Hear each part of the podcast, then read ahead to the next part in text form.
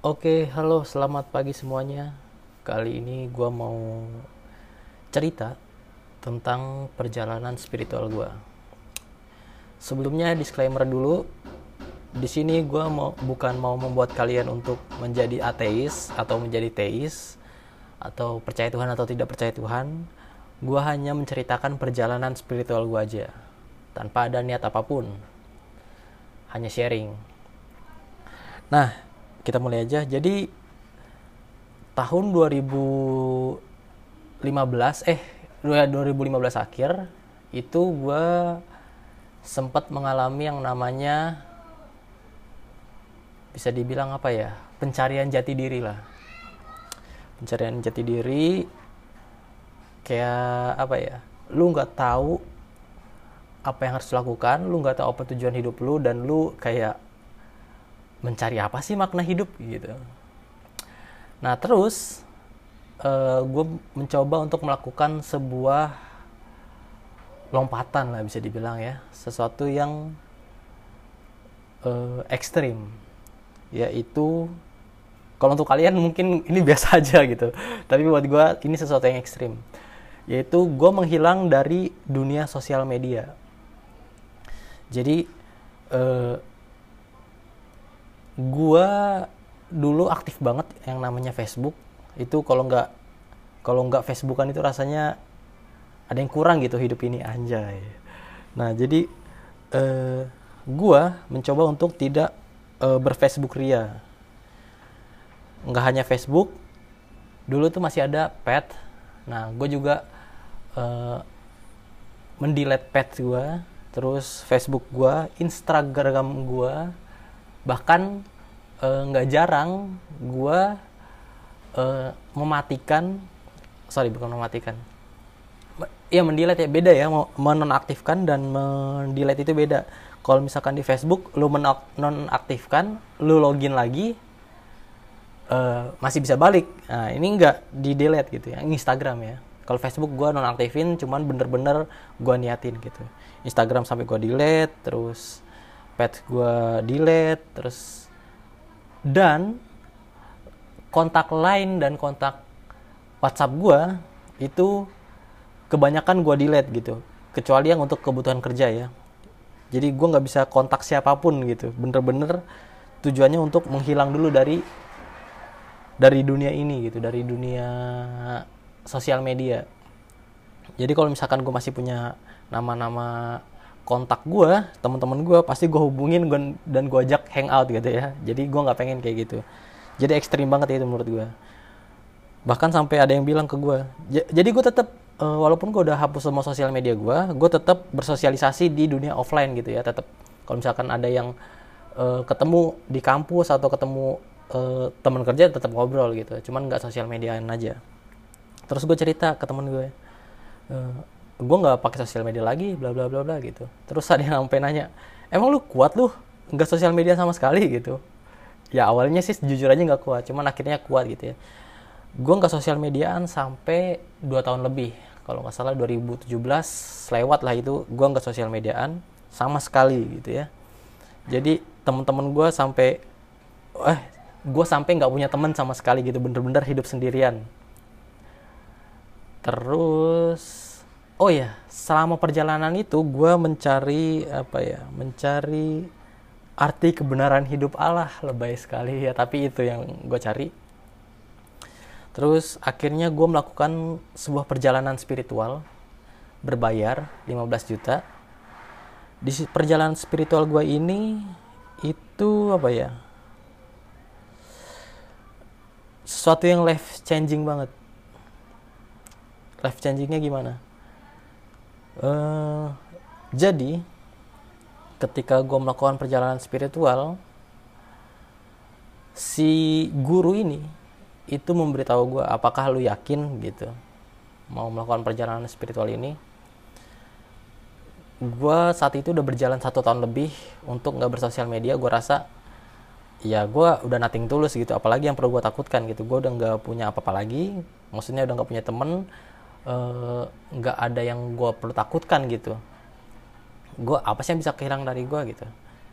Gue hanya ingin membersihkan diri gue gitu.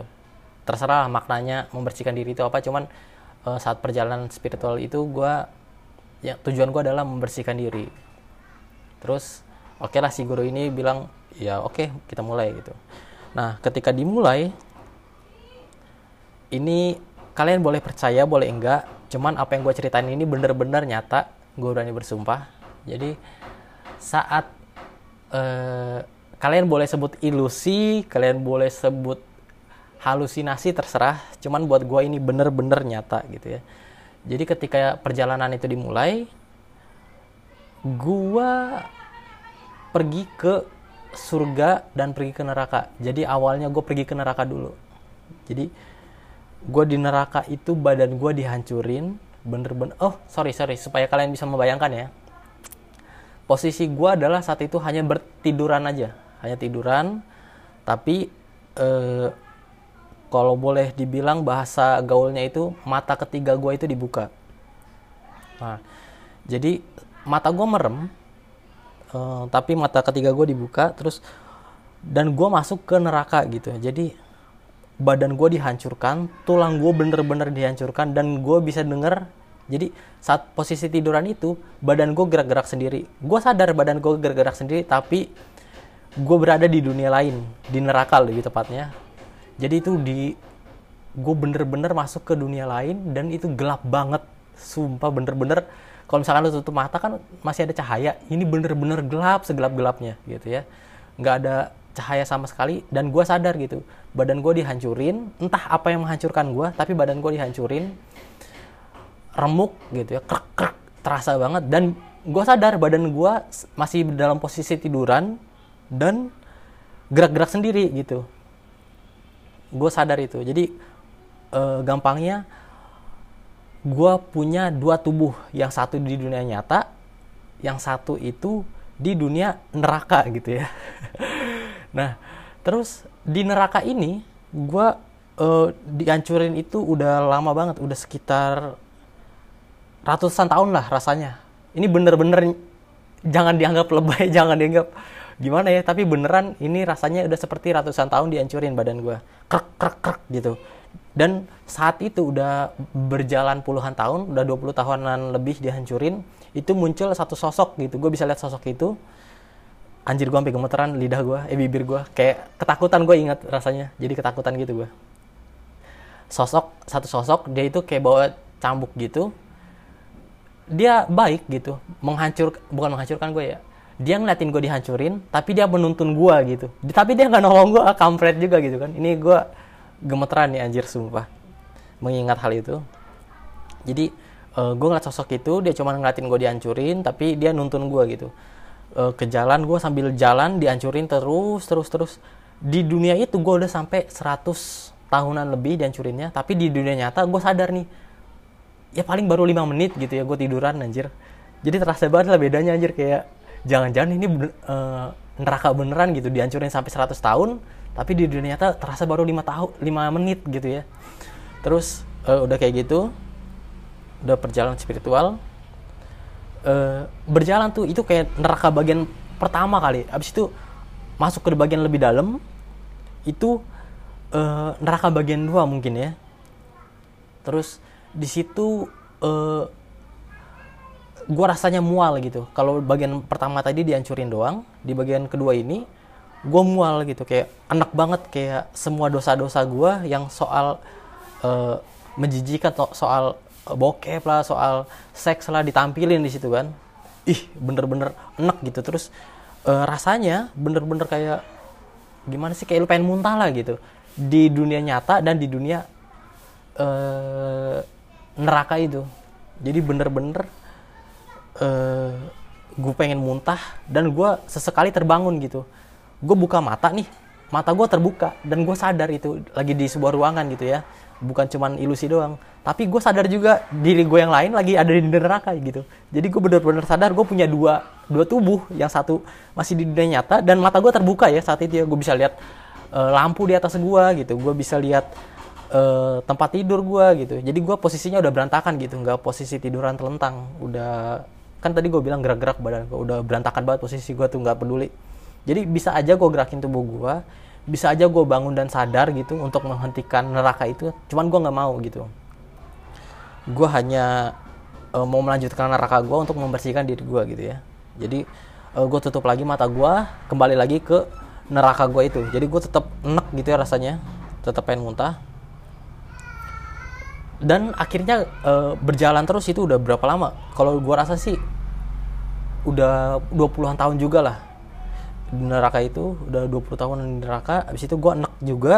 Terus pendamping uh, eh, gue akhirnya pengen muntah gue terbangun. Gue minta tolong uh, dianterin ke apa toilet sama pendamping gue dan akhirnya gue muntah di toilet itu. Terus di toilet akhirnya gue cuman uh, dengan posisi duduk ya. Jadi dengan posisi duduk gue uh, sambil masuk ke neraka gitu. Pos, uh, posisi duduk mata gue gue tutup lagi. Gue udah muntah terus gue masuk lagi ke neraka gue uh, tutup mata di neraka itu nah ini yang paling bagian serem. Gue nggak tahu lah ini neraka neraka bagian keberapa. Pokoknya dalam posisi duduk itu badan gue masih tetap dihancurin gue masih tetap enek. Terus satu lagi ini gue nggak tahu neraka bagian keberapa tingkat keberapa tapi ini yang paling anjing sih. Ini neraka paling sampah gitu ya. Jadi uh, guru gue bilang jadi ini apa ya uh, perjalanan spiritual ini itu bakal membebaskan lu membebaskan gue ini akan menampilkan apa yang benar-benar lu takutkan gitu. Akan menunjukkan apa yang benar-benar gue takutkan. Anjir sampah ini gue bener-bener apa ya anjing lah seanjing-anjingnya. Ini sampah banget. Jadi di neraka terakhir ini karena setelah ini gue masuk ke surga gitu ya di neraka terakhir ini gue dikasih lihat bahwa bapak gue meninggal gitu. Aduh anjing anjing. Dan meninggalnya bukan kayak lu waktu pengen UTS kan biasanya ada tuh kayak uh, penenangan diri atau apa gitu. Bayangkan orang tua kalian meninggal bla ini enggak. Ini bener-bener rasanya kayak gini kayak lu lagi hangout nih sama teman lu nih. Lagi hangout sama temen lu. Bentar lagi hangout sama temen lu abis itu uh, lu dapat telepon dari emak lu. Gua gua angkat teleponnya. Halo kenapa mak? Terus emak gue bilang Chris dengan suara pelan gitu ya. Kamu cepetan pulang bapak meninggal. Dengan suara pelan gitu itu rasanya anjing anjing. Itu kayak tai lah bangke langsung ketampar anjir ketika lu denger suara kabar orang tua lu meninggal gitu kan. Itu versi apa ya versi lebaynya. Dan ini bener-bener nyata gitu ya. Gue nggak tahu apakah bener bener orang tua gue meninggal atau enggak cuman gue gue bahkan ketika dikabarin itu gue bangun dari gue bangun dari apa ya dari neraka gue gue bener-bener jadi sadar gitu ya gue jadi sadar gue jadi bisa berdiri gue bilang gue mau uh, pergi gue mau samperin bapak gue dulu terus pendamping gue kayak enggak enggak itu uh, hanya lu sih jalani lagi enggak enggak, enggak. gue sampai sampai ribut gitu gue kayak orang gila gitu ya uh, enggak enggak, enggak. gue pengen ketemu bapak gue dulu terus akhirnya uh, karena gue masih ada di dunia, di dua dunia di dunia nyata dan di dunia uh, ini di dunia neraka terus uh, eh, gue ngeliat tuh bapak gue diangkat ke surga. Gue ngeliat bapak gue diangkat ke surga terus gue bilang uh, gue ngeliat nih siapa yang narik gitu yang narik bapak gue jadi gue tahu ini adalah Tuhan gitu ya. Entah terserah kalian percaya atau enggak gitu ya. Gue ngeliat Tuhan. Tuhannya itu bentuknya gimana ya? Uh, dia nggak berbentuk. Dia hanya cahaya put uh, cahaya tapi berwarna emas gitu ya terus di situ gue bernegosiasi sama Tuhan. Tuhan lu boleh jadi posisi lagi berdiri terus gue bisa ngeliat Tuhan terus gue pengen bernegosiasi gitu ya. Gue beri, pengen bernegosiasi akhirnya gue duduk lagi jadi gue posisinya tuh bukan di toilet lagi gue udah berdiri lari-larian buka pintu keluar gue pengen keluar gitu. Tapi gara-gara gue ngeliat Tuhan gue pengen bernegosiasi lagi gue jadi duduk di depan pintu keluar Habis itu meremin mata lagi. Gue duduk untuk bernegosiasi dengan Tuhan. Tuhan, gue gak pengen bapak gue mati. Lu bisa ambil lagi semua harta gue, lu bisa ambil lagi semua ilmu-ilmu gue. Pokoknya balikin bapak gue sekarang gitu ya. Bener-bener dengan keadaan nangis gitu ya. Guanya nangis. Terus uh, karena gue nggak apa ya. Jadi Tuhannya itu nggak ngomong, tapi cuma diem doang. Diemnya itu kita saling berkomunikasi. Gue juga ngomong ke Tuhan bukan versi verbal gitu bukan versi ngomong gue pengen bapak gue balik. Bukan kayak gitu. Gue diem tapi kita lagi berkomunikasi gitu ya. Nah udah kayak gitu uh, Tuhan kayak enggak ini udah waktunya bapak gue uh, nggak ada gitu. Anjing bener-bener. Ya udah please tolong sekali ini aja kasih kesempatan gue sekali lagi. Gue kayak gitu ke Tuhan gitu ya. Terus enggak enggak ini udah terakhir. Bangsat gue bener-bener nangis. Terus gue ngobrol sama bapak gue gitu kan bapak gue yang versi soul doang versi jiwanya gitu. Maaf ya pak ya eh, dosa-dosa Kristo bla bla bla gitu ya. Pokoknya anjing lah gue nggak pengen kayak gini gitu. Please lah sekali lagi Tuhan gitu. Terus akhirnya uh, Tuhan ngobrol eh bapak gue ngobrol sama Tuhan bapak gue yang ngobrol. Mohon lah uh, sekali ini aja biarin uh, gue bisa bareng lagi sama keluarga gue gitu. Terserah kapan pun uh, tapi untuk kali ini kasihlah kesempatan lagi gitu ya uh, buat kita gitu buat keluarga ini. Terus akhirnya uh, dikabulin sama Tuhan. Terus gue kayak ya ampun makasih Tuhan makasih gitu. Oh ya uh, setelah itu gue ngobrol-ngobrol sama Tuhan gitu ya. Jadi uh, Tuhan kayak ya udah gue balikin uh, bapak lu. Jangan sia-siakan jangan sia-siain kesempatan ini kata Tuhan gitu ya. Terus oke okay, oke okay, terima kasih banyak Tuhan. Terima kasih banyak ya Tuhan ya udah tenang aja uh, bapak lu udah aman gitu. Wah tenang banget itu sumpah. Dan di situlah gue ngerasa surga itu bener-bener uh, getaran-getaran tubuh gue terus rasa sedih gue hilang gitu dicabut bener-bener. Ya ampun lega banget. Gue nggak peduli lagi soal harta gue nggak peduli lagi soal pekerjaan gue nggak peduli lagi soal cewek gue nggak peduli lagi soal cinta-cintaan. Gue cuma pengen bapak gue ada tetap hidup gitu. Selesai ah terus udah kayak gitu tenang banget gue ah, oh ini ini surga gitu. Terus tadinya gue masuk ke neraka gelap. Sekarang gue pindah posisi gitu bukan pindah posisi maksudnya kayak pindah atau suasana berubah gitu. Tadinya gelap banget terus menjadi terang gitu terang terang ya gimana ya lu lagi bersama Tuhan yang cahayanya cahaya emas gitu dan rasanya nyaman gitu hangat gitu kan. Jadi anjir ternyata ini surga ya gue pengen di sini dulu ah. Nggak perlu ngapa-ngapain gue cukup diem aja gitu. Di situ nggak ada apa-apa. Nggak ada cewek nggak ada sungai nggak ada apa gitu. Nggak ada bunga nggak ada apa. Cuma ada gue gue dan Tuhan gitu. Gue dan cahaya hangat ini gitu ya. Jadi gue ngobrol sama Tuhan. Ngobrolnya sekali lagi bukan verbal. Gue cuma diem tapi gue berkomunikasi dengan si Tuhan ini ya. Terserah kalian sebutnya apa gitu ya. Tapi gue ngobrol dengan cahaya emas ini. Dan itu rasanya nyaman banget. Kita ketawa-ketawa gitu hahaha terus gue ketawa-ketawa sendiri. Dan ketawa-ketawanya ini secara verbal dan secara, eh di dunia nyata dan di dunia uh, surga ini. Jadi gue udah pindah ke dunia surga lah ya istilahnya gitu. Jadi di dunia nyata gue sadar gue ketawa-ketawa kayak gitu-gitu doang. Jadi nggak ketawa ah nggak kayak gitu. Cuman giggle lah kalau bahasa Inggrisnya. Nah terus uh, di dunia surga ini sesekali gue mencoba untuk menyebut nama Tuhan. Jadi uh, Tuhan ini bukan Tuhan kayak gue kan bisa menyebutkan Tuhan nih Tuhan gitu bisa. Di dunia di dunia di dunia surga gue bisa menyebut Tuhan gitu ya.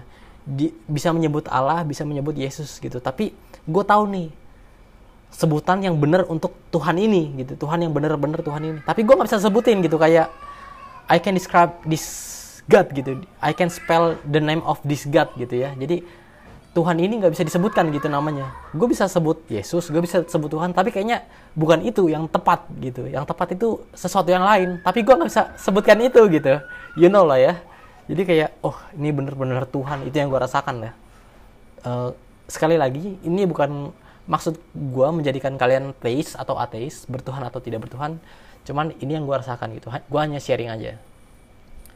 Terus, uh, pokoknya selesai uh, setelah gue masuk surga itu gue pengen tetap berada di situ selamanya rasanya seperti itu ya. Cuman akhirnya kesadaran gue kembali terus efek efek gue berada di surga sepertinya berakhir gitu ya. Gue nggak bisa berada di surga itu selamanya.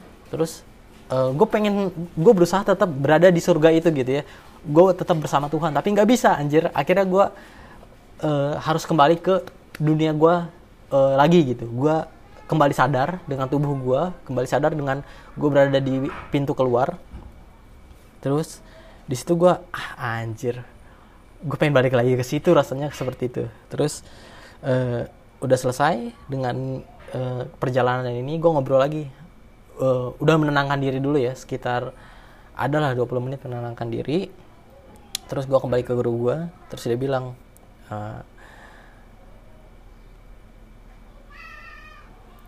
inti dari perjalanan spiritual ini adalah lu harus lu harus face your fear gitu. Lo harus menghadapi ketakutan lo dan setelah itu udah nggak ada lagi yang lo takutkan di dunia ini gitu ya. Nah eh, gue udah menghadapi ketakutan gue semua ketakutan gue jadi gue kehilangan temen udah gue hadapi. Gue nggak punya istri gue hadapi. Maksudnya nggak punya pasangan hidup gue hadapi. Dan gue uh, sampai sekarang gitu ya gue nggak peduli apakah gue bakal merit atau enggak gue nggak takut sama sekali gitu ya.